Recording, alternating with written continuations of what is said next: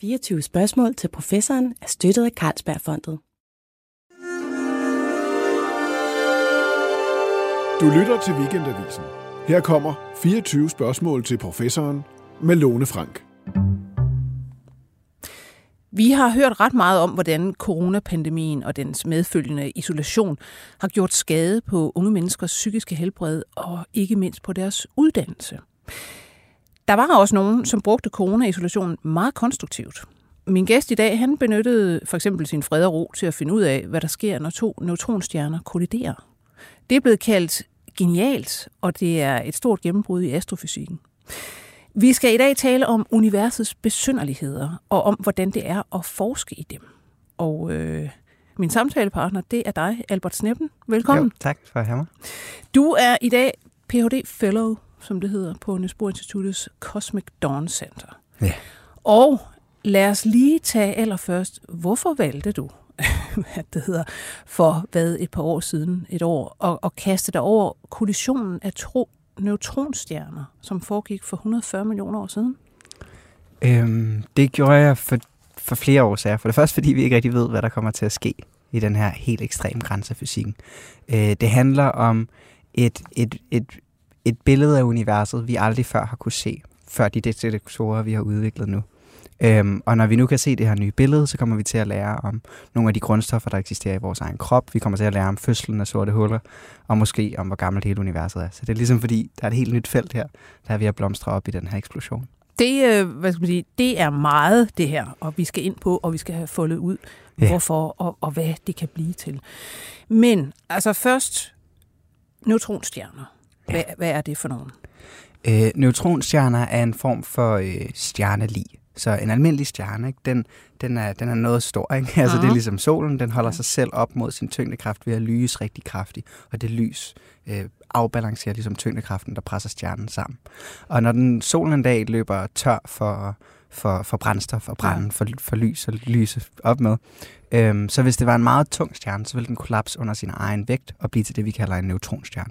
Sådan en lille klump mm. af stof, hvor alle atomerne er blevet pakket helt vildt tæt på hinanden. Og når du siger lille klump, hvor, hvor, små er de egentlig, de her? Altså, så de, de er omkring 20 kilometer, måske fra side til side, og de vejer altså så mere end solen. Ikke? Så man skal forestille sig sådan, ja, et kæmpe himmellegeme eller solen, der bliver til sådan en 20 km. Ja, så det, det er mindre, mindre her end København, ikke? Ja. Og du ved, så kommer vi jo op i nogle densiteter, der er helt ubeskrivelige for den menneskelige hjerne. En t-ske af det her neutronstjerne vejer mere, end, øh, end alle mennesker på jorden gør. Så det er jo meget tæt, man har pakket atomerne. Ja.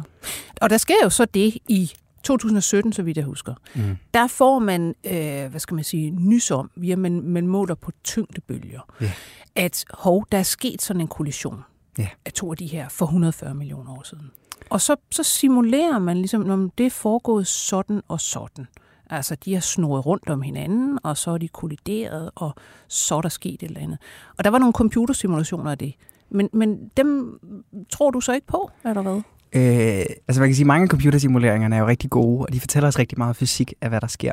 Øh, men fordi vi er i det her regime af universet, vi aldrig har set før, altså densiteter, der er sammenlignelige med atomkerner, temperaturer på milliarder af grader, altså, så vi har ikke nogen, nogen af vores love i fysikken skal ekstrapoleres meget langt for mm. at se, om de virker her. Og det virker så som om, at nogle af de simuleringer måske har været lidt forkerte. Ja. Eller at der er noget ny fysik, vi kan lære ved at kigge på de her eksplosioner. Og så, øh, så kigger du nærmere på dem og finder ud af hvad? Øh, jeg finder ud af, at øh, sammen, med, sammen med min videnskabelige samarbejdspartner, min vejleder, de internationale, øh, at den her eksplosion, de her to stjerner, der ramler ind i hinanden, øh, de laver sådan en form for øh, kosmisk fyrværkeri af tunge grundstoffer, de kaster ud i, i rummet, og, og den eksplosion er kuglerund. Øh, og det er så imod, hvad alle de her computersimuleringer havde forudsat. Ja, fordi der skulle det være sådan lidt en flad oval øh, plet. Ja, det er i hvert fald en kompliceret ting. Der Ja. er et rigtig meget rotation af de to stjerner i det, de spiller ind i hinanden. Så man kan sige, at man havde forventet, at der ville være sådan en pandekage mm. i, deres, i deres indspiral. Ja. Øhm, og så er der måske nogle andre ting, der også vil være der. Men, men det her meget pæne, simple, runde eksplosion, det var der ikke nogen, der havde set komme. Øh, og hvordan er det lige, at du kommer på den idé? Altså, er det ren beregning, eller er det sådan en intuitiv fornemmelse, du har, at det må kunne se sådan ud? Øh, det tror jeg bare er, er lang tid sådan støt og roligt arbejde med det her. Så det vi gør, det er, at vi prøver at forbinde alle de der kanaler af information, vi har om den her eksplosion. Vi prøver at kigge både på de her gravitationelle bølger, du nævner, på lyset, det udsender til os i alle farverne, fra det røde til det blå, fra det infrarøde til det ultraviolette faktisk, og så kigger vi også på radio og på gamma, så vi kigger ligesom på alle historierne, der bliver fortalt af, af lyset fra den her eksplosion. Altså al den stråling, der er kommet, og den ja. har, som du siger, mange former. Og den, har, den, den indeholder rigtig meget information om, mm. hvad der skete der. Og hvis vi, hvis vi kan afkode det, så kan vi begynde at forstå den her eksplosion. Og så finder du ud af det her med, hov, det har altså lignet sådan en nydelig kugleskal af en... Ja. Altså ligesom sådan en sol nærmest, ikke? Ja. kan man sige. Øh, og så spørger man sig jo, fordi det, det er jo blevet altså, kendt en sensation og, og er gået verden rundt og alt det her, og publiceret meget, meget flot. Og man spørger som lægmand, øh, jamen hvorfor, altså hvad, hvad betyder det så det her? Altså hvor, hvorfor er det helt fantastisk at vide noget om? Ja, det er jo et godt spørgsmål, kan man sige. Der er mange forskellige vinkler her, der gør mm. det super spændende. Øh, grundlæggende, vi har ligesom de her simuleringer. Det er alle vores forudsigelser for, hvordan det her burde se ud. Og de er forkerte. Det ja. vil sige, at der er noget ny fysik i den her legekasse, vi ikke har set komme. Ja. Øh, måske er der en ny form for energi, når de to ting støder sammen, der ligesom kan blæse den op, så den får den her flotte, runde eksplosion. Øhm, men man kan sige, at så snart man har vist den rundt, så viser det sig, at der er rigtig mange andre ting, der kommer fra det. Ja. Øh, og som vi så senere, eller nu arbejder med. Men lad os lige tage ja. altså, ny energi siger du. Hvor, hvor i alverden skulle det komme fra? Taler vi om måske en ny energiform? Eller? Nej, det, okay, det er godt, du rent faktisk stiller det spørgsmål. Så det handler om, øh, øh, hvad kan man sige, den her ildkugle af materiale, der bliver kastet ud. Ikke? Det er tunge grundstoffer. De tungeste grundstoffer i universet og i den periodiske tabel. Øhm, og de har en form for energi i sig, fordi de er så tunge, så de er radioaktive, så de lyser rigtig meget op. Øhm, men for at blæse den op til den her perfekte runde form, skal der være mere energi end hele den her radioaktive ildkugle. Og den energi kunne komme måske fra de magnetiske felter i systemet. Mm-hmm. Øh, det kunne måske komme fra, hvad der sker, når man egentlig føder et sort hul. Øh, men mekanismen der er stadig meget uklar. Okay, nu siger du så, føder et sort hul. Ja, øh, og kaster endnu mere ind i den her legeplads. Ja, præcis. Ikke? Altså, fordi så bliver man også nødt til at spørge, hvordan i alverden, ja, hvad ved vi om fødslen af sorte huller? Øh, utrolig, utrolig lidt, tror jeg, at det korte svar. Så vi ved, de her to stjerner, de vejer mm. til sammen 2,7 solmasser. Ja. Det er, jo, det er jo ret meget. næsten tre sol i det her. Næsten tre sol. Øhm, og det er, det er for meget til, at, at du ved, hvis man tager de her to klumper på 20 km i radius, der, de, altså de er bogstaveligt talt lige på grænsen til selv at blive sorte huller. Ja. Og så slammer du dem ind i hinanden med en brygdel af lysets hastighed, så kan de ikke længere modstå tyngdekraften. Og så vil de falde ind under sig selv og danne et sort hul i kernen af den her eksplosion. Øh, men hvordan du går fra det øjeblik af at have ligesom den der stjerner, som vi godt kender dem, mm. til det sorte hul, som jo lidt er en gåde, til den her idé om, om en uendelighed i midten af det sorte hul, det forstår vi grundlæggende ikke endnu. Og, og der er nogle lov i fysikken, der endnu ikke er raffineret nok til, vi rigtig kan snakke om det. Men en uendelighed i, i midten af det sorte hul, hvordan skal man forstå det og se det for sig? Man skal forstå det som, at når først tyngdekraften har vundet, så er der mm. ikke noget, der kan stoppe den i at blive ved med at samle sig. Så det vil bare alt det her stof, fra de her tre solmasser vil bare blive ved med at falde ind i et punkt, der evigt bliver mindre og mindre. Det bliver tættere og, og tættere, går mod nul. Går mod nul. nul. Altså sådan ligesom Ant-Man, ikke? Altså sådan her.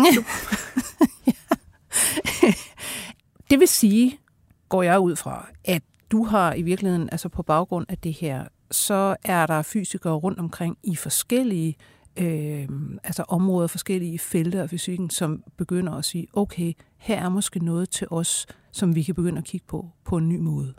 Altså ja. det afføder rigtig mange spørgsmål. Ja, altså det, det stiller i hvert fald mange flere spørgsmål, end vi umiddelbart øh, ja. øh, var klar over, da vi startede på det her forskningsprojekt. Og det vil sige alle de her forskellige retninger. Hvorfor er den rund? Hvad fortæller det om universets alder? Hvor kommer vores atomer fra? Mm. Alle de her ting er noget, vi så kan arbejde videre med.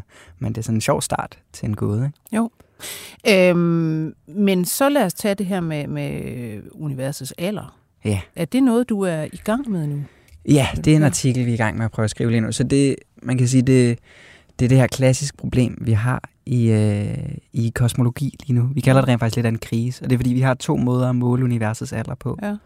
Øhm, og de er uenige ja. øhm, med en milliard år, og det er lidt akavet. Ja, og, øh. og hvad er det for nogle metoder? Hvad bruger man egentlig til at måle? Så den ene måde, det er, at vi kigger på det allerførste lys efter Big Bang. Det er det, vi kalder den kosmiske baggrundsstråling. Så det er 300.000 år efter Big Bang, kan vi ligesom hvis vi kigger meget dybt ud i universet, kan vi se det allerførste billede af universet.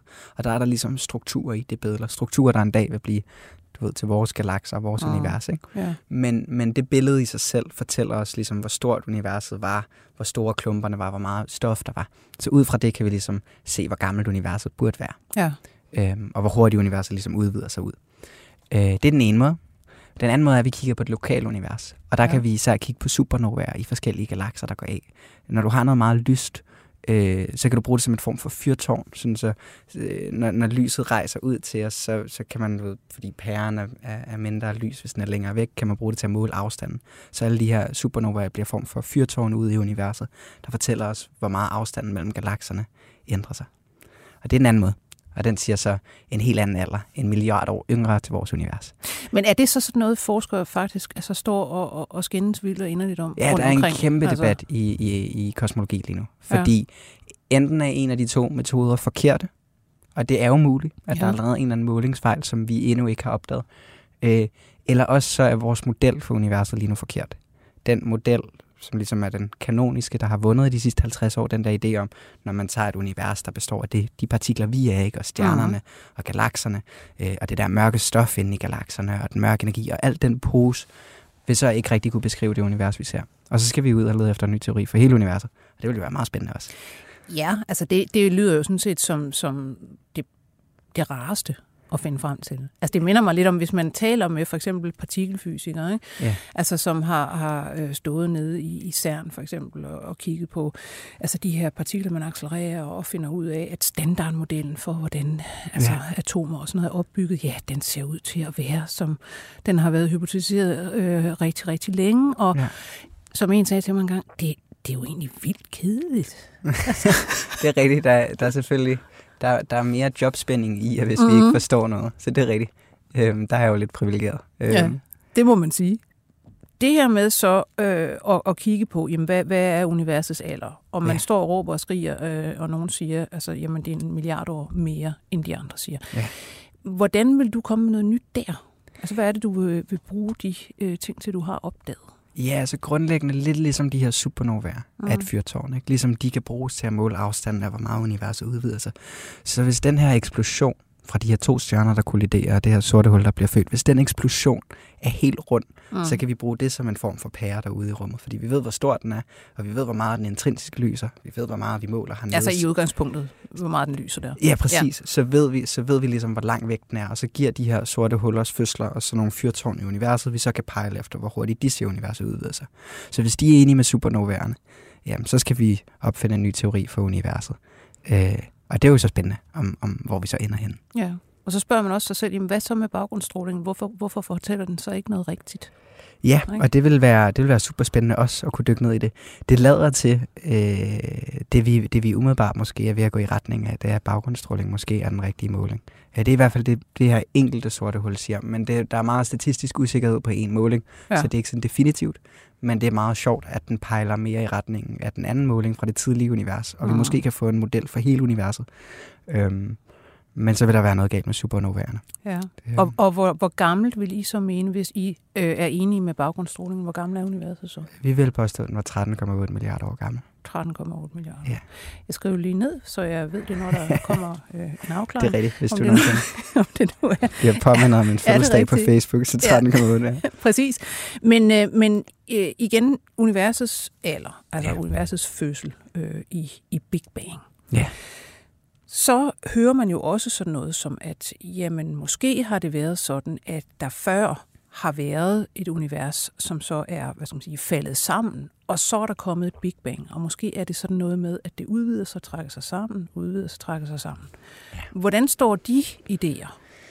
Øh, det tror jeg er helt vinkelret på alt det, jeg snakker om. Jeg, Mm. mm. jeg prøver egentlig bare at få en, øh, en enkelt teori om vores univers. Ja. Og så må multiverserne ligge derude. Uden, fordi de er ikke rigtig... Altså på en eller anden måde, så synes jeg, det kommer uden for fysik, hvis det ikke er noget, man kan modbevise eller medbevise. Altså sådan, øh, vi har det her univers, vi har kontakt mm. Mm. til og kan måle på Ja. og kan teste. Om der var noget før, eller om der kommer noget efter. Øh, Det, der må det, vi det være er lidt uden agnostiske. for, for målbarheden, så, så Ja. det kommer lidt ud fra den der klassiske videnskab, synes jeg selv. Men er der i virkeligheden øh, en del fysikere, som sidder og beskæftiger sig med noget, som måske faktisk ikke kan om man så må sige, bevises, men som de mere sidder og teoretiserer om og diskuterer? Altså, strengteori for eksempel er jo også ret svært at begynde Ja, at, at bevise. Ikke? Altså, det er noget med, at der er sådan vibrerende superstrenge, måske inde i partikler. Øh, men, men energierne, der skulle bruges til at undersøge det, kan ikke produceres. det er rigtigt, det er rigtigt. Men der, der er der jo trods alt en formidlende omstændighed af, at man kan ønske, at vi en dag når det teknologiske niveau. Mm. Det er mere på et rent filosofisk niveau. Ja. Hvis du snakker om et univers, der aldrig har haft kontakt med vores univers, Ja. så bliver det fuldstændig ligegyldigt, om jeg laver alle de her ligninger for det. Mm. Fordi jeg kommer aldrig nogensinde til at kunne blive med eller modbevist. Og så er det ikke rigtig videnskab i mine øjne på den måde. Nej. Men, men der er dog ikke desto mindre øh, faktisk en del fysikere, der Ja, og, der- og der er laver nogen, der den slags setup. Og det, sig og det er måske værd at gøre begge dele, fordi vi ved Mm. jo ikke, om de i dag ved at rejse ud i en af de her baner finder noget spændende, som de så kan tage med, og så kan bevises eller modbevises. Så kan man jo gøre rigtig meget for vores forståelse af ikke bare vores univers, men Ja. ja. hvis der skulle være noget uden for det. Men, men det er bare vigtigt at huske, det er ligesom forskellige kategorier, og man skal investere lidt bredt der i videnskab. Ja, ja. Men tilbage til også det her med, hvad, hvad I kan bruge jeres, eller hvad du kan bruge din nye øh, hvad det hedder, forståelse af den her kollision af neutronstjerner til. Fordi ja. Du sagde også noget om grundstoffer, tunge grundstoffer. Ja. Hvor de dannes, hvordan de dannes, øh, og at det kan man også måske få Ja. en ny forståelse af. Det er rigtigt. Øh, Så man kan sige, øh, alt andet end hydrogen og helium. Ikke? Hydrogen og helium, det blev lavet i Big. Altså, Altså meget tidligt i universet. ja. Ja, brint og helium blev lavet meget tidligt i universet. Det er noget af det første, der blev dannet. Men alle de tungere grundstoffer efter det i vores krop er ligesom kun skabt på grund af, at der har været generationer af stjerner, der har samlet atomer sammen. Øh, fusioneret atomer i Så man har lavet hvad skal man sige, de enkleste øh, Lego-klodser først, og så har de Og begyndt så har at... man begyndt at assemble Ja. sig op til større og større strukturer. Ja. Så det meste af vores krop, ikke? alt carbon, alt oxygen, de ting er ligesom blevet født inden i Så alt stjerner. kulstof og alt ilt. Nu, Ja. siger, nu siger jeg det bare ja, lige, det er vigtigt. Det er vigtigt. Ja. ja. Selvfølgelig, jeg tænker ikke engang i baner. øhm, øh, de, de er blevet født ind i stjerner. Mm. Men der kommer vi til et problem, fordi Mm. efter jern kan du ikke fusionere ting sammen. Og Og hvor lave, tungt er det jern er? Uh, det er den 26. i den periodiske tabel, Okay. så det er sådan relativt Ja. tungt. Ikke? Men, men det er alligevel ikke så meget, fordi du, du ved, uran er 92, så du ved, der er Ja. tre fjerdedel af den periodiske Ja. tabel, har vi ikke engang nået endnu. Øhm, øh, så, så, så hvordan laver man de her 75 procent af, af grundstofferne i en periodisk tabel? Ja. Øh, det viser sig, at, at for at gøre det, skal vi have et eller andet form for meget energirigt øh, miljø. Ja. Også et miljø, der ofte har rigtig mange neutroner på, fordi hvis vi har de her neutroner, som er en, er en del af vores atomkerner, ikke, så kan man ligesom løbe op den periodiske tabel og danne Mm. alle de der tunge grundstoffer. Altså, det er simpelthen fordi, at, hvad skal man sige, jo, jo, jo, jo mere man skal presse øh, øh, atomer sammen øh, for at få noget større, altså jo mere energi skal der til for at få mm, den Ja, med sammen til, at præcis, de så præcis. holder sammen. Altså, jamen, det er jo grundlæggende, ikke? Du kan jo spørge dig selv, hvordan en atomreaktor fungerer, ikke? Altså, fordi Mm. lige nu tager vi atomkerner og splitter dem ad. Og der er jo et eller andet i universet, der har brugt den energi på at samle de to atomkerner ja. sammen. Ja. Og det viser sig så, at det er de her øh, enten supernovaer, døde stjerner, ikke? Der, eller stjerner, der skal til at dø. Øh, men det er så i højere grad for de tungeste grundstoffer, øh, kollisioner af de her neutronstjerner. Så, så det er ligesom dem, der har lagt energien til at lave alle de her tunge grundstoffer. Det er altså guldet, øh, det er jodet i dit blod, ikke? det er uranet i din reaktor. Alle de her grundstoffer Mm. bliver dannet i de her meget energiske miljøer af stjerner, der slammer ind i hinanden og kaster de her grundstoffer ud til galakserne. Og så, øh, hvad skal man sige, ja, så kommer det for eksempel forbi os, vum, og så øh, Ja, altså man kan sige, det er sådan, afsættes der noget. Det, det synes jeg er sådan lidt fascinerende, ikke? Altså, Ja. så i, i, i, i Mælkevejens morgen, ikke? Du ved, Mm. der har der været de her to neutronstjerner, der har slammet ind i hinanden og kastet de her tunge grundstoffer ud. Ja. Og det har så blandet sig i det interstellare gas og støv. Og noget af det interstellare gas og støv har på en eller anden dag sådan samlet sig lidt sammen, faldet under sin egen tyngdekraft, født en lille spæd sol, og rundt Mm. om det er der nogle planeter, der er blevet dannet. og det er og så- så os. Og så er det så også, ikke? Så vores atomer har været på den her kosmiske historie fra Ja. fødslen af sorte huller og, ja. og igennem hele universet. Ja. Og nu hvor du siger sorte huller, så synes jeg lige, at vi skal gå til øh, en anden stor, et andet stort gennembrud, som du faktisk jo også står for, øh, som kom i 2021, Ja. så vidt jeg husker, øh, hvor du egentlig finder ud af noget nyt om randen af sorte huller. Og det må du også lige forklare. Ja. Hvad, hvad, hvad var det, der skete i den opdagelse? Ja, men det, det, det jeg prøvede at gøre der, det var egentlig bare et, et nysgerrighedsprojekt. Det var, jeg ville gerne prøve at beskrive, hvordan et sort hul så ud. Mm. Øh, og jeg tror, når man tænker over øh, sorte huller, hvad de repræsenterer, bliver det ret vildt. For i 2019, der blev der taget det der Event Horizon teleskopbillede af et sort hul. Det er sådan en, en lille sløret donut rundt om et eller andet sort is, men meget, meget sløret. Ikke, ikke særlig mange pixels resolution. Øhm, og hvad det billede repræsenterer, er jo helt absurd. Altså det, det handler om, at vi bogstaveligt talt ser den der begivenhedshorisont, der separerer vores del af universet fra, fra det sorte hul. Og så bliver det underlige jo, lys bliver føler tyngdekraft. Ja. Så hvad betyder et billede, som jo bare er lys, der er rejst fra det her sted, hvis lyset drejer om tyngdekraften? Øhm, så det, jeg prøvede at gøre i den artikel, det var bare at beskrive, hvordan sorte huller derude i universet rent faktisk ser ud. Øh. Så det er jo i virkeligheden, kan man sige, umiddelbart, så vil man jo sige, okay, et sort hul, ja, det, det ser vel det er jo mørkt. Ja. Det er sådan set mørkt. Men, men hvad det hedder, du prøver øh, bare sådan af ren interesse at sidde og forestille dig, hvordan kunne det egentlig se ud? Og når man siger se ud, så er det jo noget med, hvad for noget, netop, hvordan kastes lyset tilbage fra det på en ja. eller anden måde. Ikke? Øh, og, og det her, hvad skal man sige, det kastes så egentlig kun tilbage på grund af randen, eller hvad skal man kalde det? Ja, altså, ja det er rigtigt. Så man kan sige, at det sorte hul i sig selv, det er helt sort. Det har den der perfekte sorte kugle af steder, mm, hvor lyset ja. ikke kan komme ud igen. Så den er sort i sig selv. Men det, der er spændende, er alt det, der sker rundt om det sorte hul. Ikke? Fordi alt det lys, der ikke lige rammer lige ned i den der dræn, der er det sorte hul, det kommer til at svæve og flyve rundt om det sorte hul, gå i kredsløb mm. og dreje rundt om det op til flere gange, op til mange gange.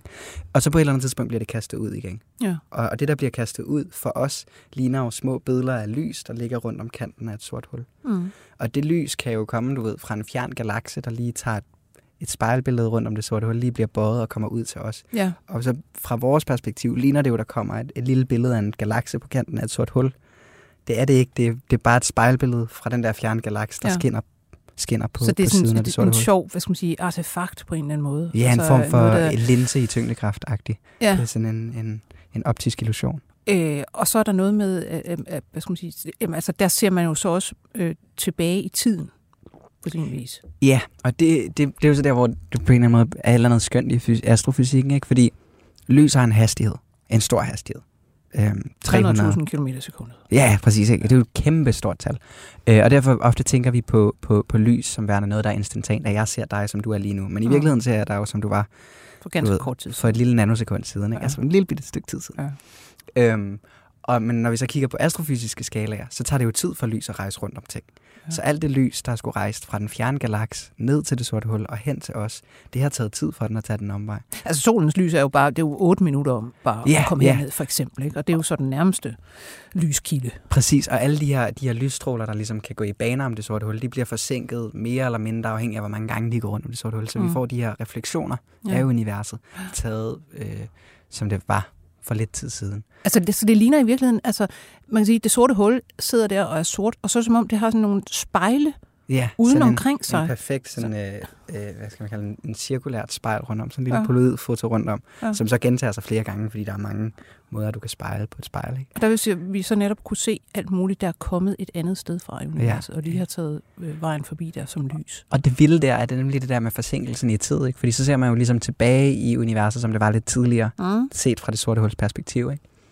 Øh, og, og det er rent faktisk noget, man har set, altså man, ikke på sorte huller, men man har set en, en, en galakse øh, meget langt væk, 11 mm. milliarder lysår væk, hvor tre galakser meget tæt på hinanden på nattehimlen, alle sammen samtidig gik supernova.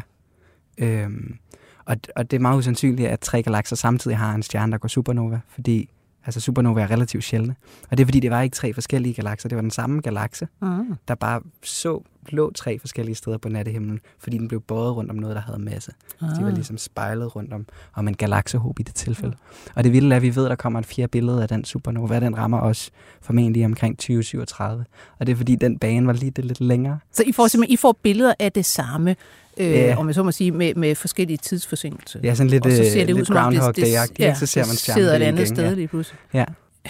Nogle gange, så, så tænker man også, altså når man sidder og beskæftiger sig med sådan noget her til daglig, altså øh, hvordan, hvordan sidder I og, og, og diskuterer øh, den her slags? Altså fordi det er jo meget noget med, vil jeg tro, at have en, altså en intuitiv forståelse af noget, univers og nogle øh, hvad det hedder, funktioner af den måde, universet fungerer på, og lyset fungerer, som man ikke nødvendigvis har, når man ikke altså eventuelt har læst fysik. Eller, du ved, altså, der må være en stor forskel øh, på at have den bevidsthed?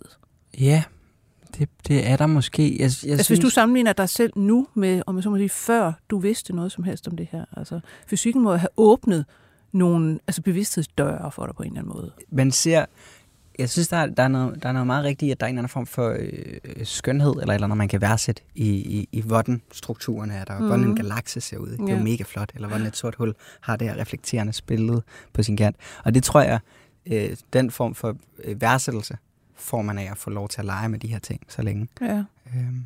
Ja, altså det er jo virkelig, nu, nu, nu siger du også, hvor, hvor smukt det er, og, og øh, æstetik har jeg fornemmelsen af, betyder ofte noget. Altså man hører øh, en del gange folk tale om, altså matematikere, at ligninger kan være utrolig smukke. Ikke? Mm. Altså, og man vil egentlig helst finde en, en, hvad skal man sige, en, en løsning på et fysisk problem, som kan se smuk ud som ligning, for ellers er det altså ikke, det er ikke så meget ved, hvis den er grim. Altså, ja. Og jeg, jeg kan også se, at du selv har lavet noget, øh, noget klimaforskning rent faktisk. Ja.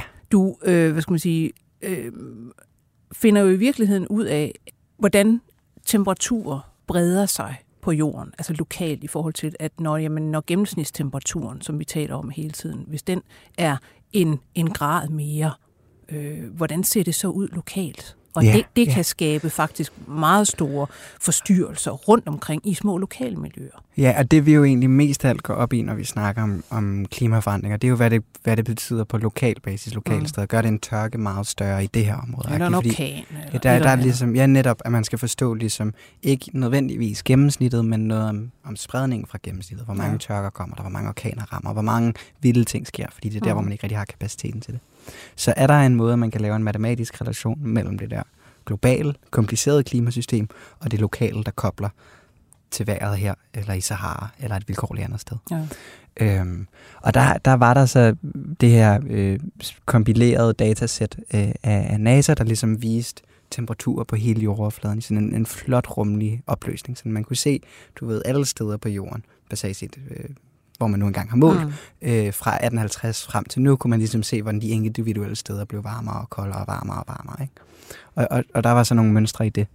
Og det, det, det matematisk struktur, der lå i det klima, mindede mig rigtig meget om, om det, vi snakkede om tidligere, det der hedder den kosmisk baggrundsstråling. Mm. Og det er jo sådan lidt en sjov kobling, ikke? fordi der, der er sådan et billede af universet, lige da det blev født, sådan hele himmelvævningen og alle de der små klumper og strukturer, der en dag vil blive til galakser og blive til vores univers, ja.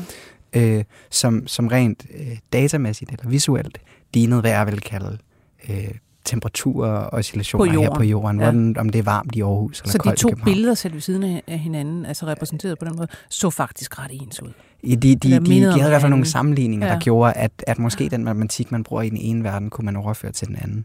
Ja, det er generelt set sådan, al min mm. forskning er, jeg, jeg stjæler bare fra den ene verden og sætter ind i den anden, og vice versa. Ikke? Men, men det er jo sådan set det, man gør.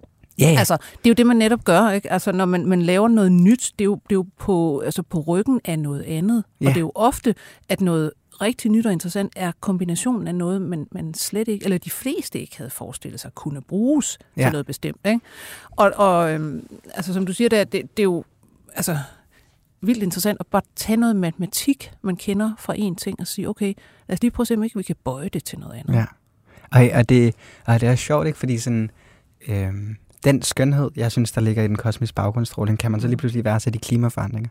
Og jeg har et projekt lige nu, at jeg gerne vil bruge James Webb til at kigge på galaksestrukturer. Og det eneste grund til, at jeg indså, at jeg kunne finde de strukturer, var fordi jeg havde lavet klimaforskning. Så det er ligesom, om det hele spiller over mm. i, at man kan låne fra den den, den lærdom, der ligger i de forskellige felter. Men lad os høre om det. Altså James Webb for det første er jo ja. et kæmpe teleskop, ikke? Ja. Som øh, kan hvad i forhold til, hvad man ellers har altså, kunnet? Det, det og... kan, som er lidt exceptionelt, er, at det kan kigge i nogle farver, vi ikke typisk kan se særlig godt. Så det kigger meget i det infrarøde, så det er mere end det røde lys, som vores øjne kan, kan opfange, så der er ligesom endnu, endnu længere bølgelængder. Ikke? Mm. Og det infrarøde lys er et billede på universet, der viser nogle andre strukturer, ofte sådan hvor støvskyerne er i universet, hvor specifikke øh, ligesom molekyler er i universet. Øh, øh, så, så ligesom det giver os et nyt billede på, på galaksestrukturer i nye farver og med en uset øh, opløsning. Så vi kan virkelig se små ting nu mm. og opløse det. Øh, og det vil sige, at vi har de her billeder af galakser nu, øh, taget både lokalt, men også på afstand, vi aldrig har set før, ikke? øh, som, som viser os galakser i al deres skønhed. En skønhed, mm. som vi ikke havde for to år siden, eller for et år siden. Ikke? Og, og den de billeder har jo også struktur i sig. Ikke? De har også klumper, der har en vis størrelse. De har klumper, der er størrelsen af spiralarme, og de Ja. har klumper, der er størrelsen af stjerner. Øh, de har klumper, der er størrelsen af små skyer af gas, der ligesom eksploderer rundt om, om, om eller bliver kastet ud rundt om supernova. Der er alle de her forskellige øh, konturer, nye, ja, nuancer. nye ting, man kan få et bedre billede af. Et, et meget finere maleri Ja. end noget, man har haft før. Og på samme måde, som vi kunne spørge, hvad er strukturerne i klimaforandringer, mm. eller hvad er strukturerne i det tidlige univers, så kan vi nu kigge på de her galakser i de her nye farver, og spørge, hvordan ser de egentlig ud, og hvordan er de forskellige skalaer, ligesom i klimaet, det lokale til det globale, forbundet på tværs af galaksen. Mm. Men, men når du siger, hvordan ser galakserne egentlig ud? Altså, hvordan, hvordan forstår vi dem i dag? Hvordan synes vi, de ser ud i dag?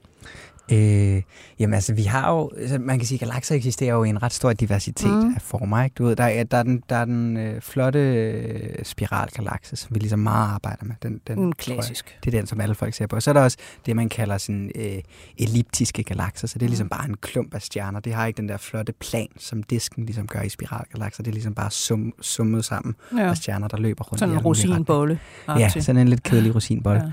Ja. Øh, og så er det så, du ved, aktiv forskning at forstå, hvordan ser galakser ud på tværs af kosmisk tid. Så man går længere tilbage, er der andre slags galakser. Der er måske nogle meget øh, tætpakkede galakser, som vi ikke helt forstår endnu. Øhm, og det er sådan noget i sig selv spændende forskning. Men det, der egentlig fascinerer mig, det er bare de her billeder af galakser, vi har helt lokalt. For eksempel spiralgalakserne. Mm. Der er alle de her strukturer. Der er spiralarm, der er skyer, der er stjerner, der er, der er du ved, vi kan zoome ind en faktor 1000 nu med web. Ja. Øh, og det vil sige, at der er nogle nye mønstre, vi kan se. Og lad os, lad os prøve at se, hvordan de mønstre relaterer sig til hinanden. Øh, og det billede, det så giver. Mm. Men er det sådan en helt, øh, hvad det hedder, øh, fishing expedition, eller har du nogle, øh, eller I nogle, nogle idéer om, hvad der, hvad der måske kunne begynde at ses, som man ikke rigtig kan se i dag? Øh, ja, men jeg tror, at det her er en af dem, hvor jeg går lidt ud i blinden. Okay. Jeg har en idé om, at på store skalaer er galakser lidt det, man kalder en fraktal. Og Det er sådan lidt kompliceret matematisk begreb, Ja. men det er basalt set, at noget minder om hinanden, uanset om du zoomer lidt ind. Så du ved, galaksen på stor skala ligner spiralarmen på mindre skala. Ikke? Mm. Øhm, ligesom Norges kystlinje. Hvis du zoomer ind på Norges kystlinje, så ligner det stadig Norges Det bliver ved kystlinje. med, og sådan, Den ja. gentager sig ligesom på en flot måde. Øhm, og så tror jeg, at vi kommer til at ramme en eller anden spændende grænse nu med web, hvor vi rent faktisk kan se, se skalaen, hvor stjernerne begynder at feedback ind i systemet og ligesom snakke med galaksen selv, blæse stof ud og ligesom sætte en karakteristisk skala. Så jeg tror, vi kommer til at se øh, nogle spændende billeder. Øh, Øhm, når I sidder op på frokoststuen på Instituttet og, og, og, og taler om, om de her ting, øhm, hvordan foregår idéudvikling egentlig? Altså fordi nu sidder vi her og taler, ikke? Og, og man kan få den øh, fornemmelse, at jamen, hvad det du står op om morgenen og går i bad, og så får du en idé, åh, oh, det er vist sgu da lige sådan og sådan. Altså hvor meget foregår egentlig i, hvad skal man sige, i samtaler og i forskningsmiljø? øh, åh, det, det er et godt spørgsmål. Jeg synes, det er lidt svært at kvantificere. Ikke? Mm. Øhm, jeg synes, og det er måske sandt med så mange ting, der bliver sådan populær vist Det er jo meget, meget af det meste er jo bare at integrere arbejde op. Ikke? Altså tænk mm. Stille og roligt over et program og, og begynde at, at slå små flier af det af, indtil du begynder at forstå nuancerne af det. Ja. Og det er jo noget, man bare gør i fællesskab. Altså ja. det er jo bare diskussioner og prøve at, at se på dataen på nye perspektiver. Så det, det ved jeg grundlæggende ikke. For. Men, men så kan jeg også spørge, hvad der specielt øh, griber dig, fordi du skal jo netop identificere nogle problemer, der på en eller anden måde altså fortsætte din øh, fantasi og din kreativitet i gang. Ja. Hvad er det typisk for nogle problemer? Har de noget bestemt til fælles? Eller? Det er et godt spørgsmål. Jeg tror, der er en, der er en fællestråd med en eller anden form for æstetik, Mm. som jeg først nu har lagt mærke til. Altså den her idé om neutronstjerneeksplosionen var perfekt. Og så Ja. du ved, det sorte hul havde et billede af universet. Øh, og du ved, klimaet havde en skønhed i sig. Mm. Ej, det, er jo, det, det begynder jeg nu at indse måske betyder, at jeg fanger problemer, der er relativt visuelle i karakter. Ja. Øhm, men jeg tror, det handler om, at de skal have en eller anden vis underfundighed i, at man skal, man skal prøve at finde et eller andet, der, der, der er sådan lidt... Øh, jeg ved ikke, om det giver mening at sige, men et lidt finurligt problem, hvor man bare kan lege Ja. lidt med det. ja. Øh, jeg vil ikke være god til, til sådan et stort ingeniørprojekt, hvor man ligesom bare skal bygge op til, til noget. Nej. Men ligesom hvis man bare kan få lov til at, at kigge på det og tænke over det, meget stille og roligt, ikke nødvendigvis så intenst, så tror jeg, jeg kan. Men det er jo i virkeligheden, altså det er jo meget sjovt, fordi rigtig, rigtig meget forskning i dag, altså i forskellige områder, øh, altså også af biologien og medicinen og også noget fysik, er jo sådan noget med store hold af forskere, øh, Mm. som bruger noget apparatur, og som skaffer en helvedes masse data, og så sidder man ligesom, som du siger netop, og er sådan, det er lidt ingeniørarbejde, det er sådan en kampvogn, der kører frem. Ikke? Ja. Øhm, så det, at der nogle steder er hvad skal man sige, plads til, at den enkelte forsker egentlig kan sidde og vælge sig et problem og, og tænke. Altså, Ja. det, Det er rigtigt. Det er, det er rigtigt. lidt sjældent. Og det, er altså. ligesom, og det er virkelig vigtigt, synes jeg, at man har begge dele. Ikke? Fordi det, at jeg har kunne kigge på den her neutronstjernekollision og fødslen af det her sorte hul, Mm. det gav jeg kun, fordi at øh, de største internationale samarbejder i verden har udviklet nogle af de dyreste teleskoper, ikke? Og, og virkelig Ja. fundet den her og ledt nattehimmel. Det er en tredjedel af det astrofysiske øh, forskere i hele verden ledt i ja. netterne efter den her neutronstjerne kolliderede for at finde ud af, hvor den var henne. Ikke? Ja. Altså sådan, så det, det er jo en kæmpe international indsats, der gør det muligt, og kun på det, man kan bygge det. Men så skal man også have plads til, at, at du ved, små uafhængige folk kan lege med deres perspektiver. Ja. Men jeg kan også forestille mig, at det må være meget forskellige måder at, at tænke på. Altså det er nogle meget forskellige mennesker, der går ind i, i de her forskellige Ja. øh, sige, retninger. Og det tror jeg jo bare taler om, at man skal have sådan en eller anden vis diversitet i folk, Mm. mm. ikke? i sådan en måde at tænke på. Øh, øh, og det kommer an på alle former for diversitet, ikke? men at, Mm. mm. at, du ved, sådan, at, at det handler om, at, at, at alle folk kan bringe et unikt perspektiv til det. Så hvis man kan få folk, der ikke alle sammen har præcis den samme baggrund, øh, så kan man måske komme rigtig langt som, Ja. som forskningssamfund. Er der nogle problemer, du sidder og tænker, det kunne jeg måske godt kaste mig over om en del år, eller ser sådan på horisonten et eller andet? Åh, oh, der er flere.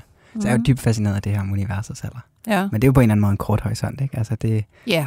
det, altså det, ja, det er I gang i, og, Ja. og vil komme frem til, om det nu er 13,8 eller 12,8 milliarder år. Ja. Det lyder, det lyder ligegyldigt på en eller anden måde, men det siger virkelig meget om, vi har en model for hele universet, synes jeg. Så det synes jeg er spændende. Ja.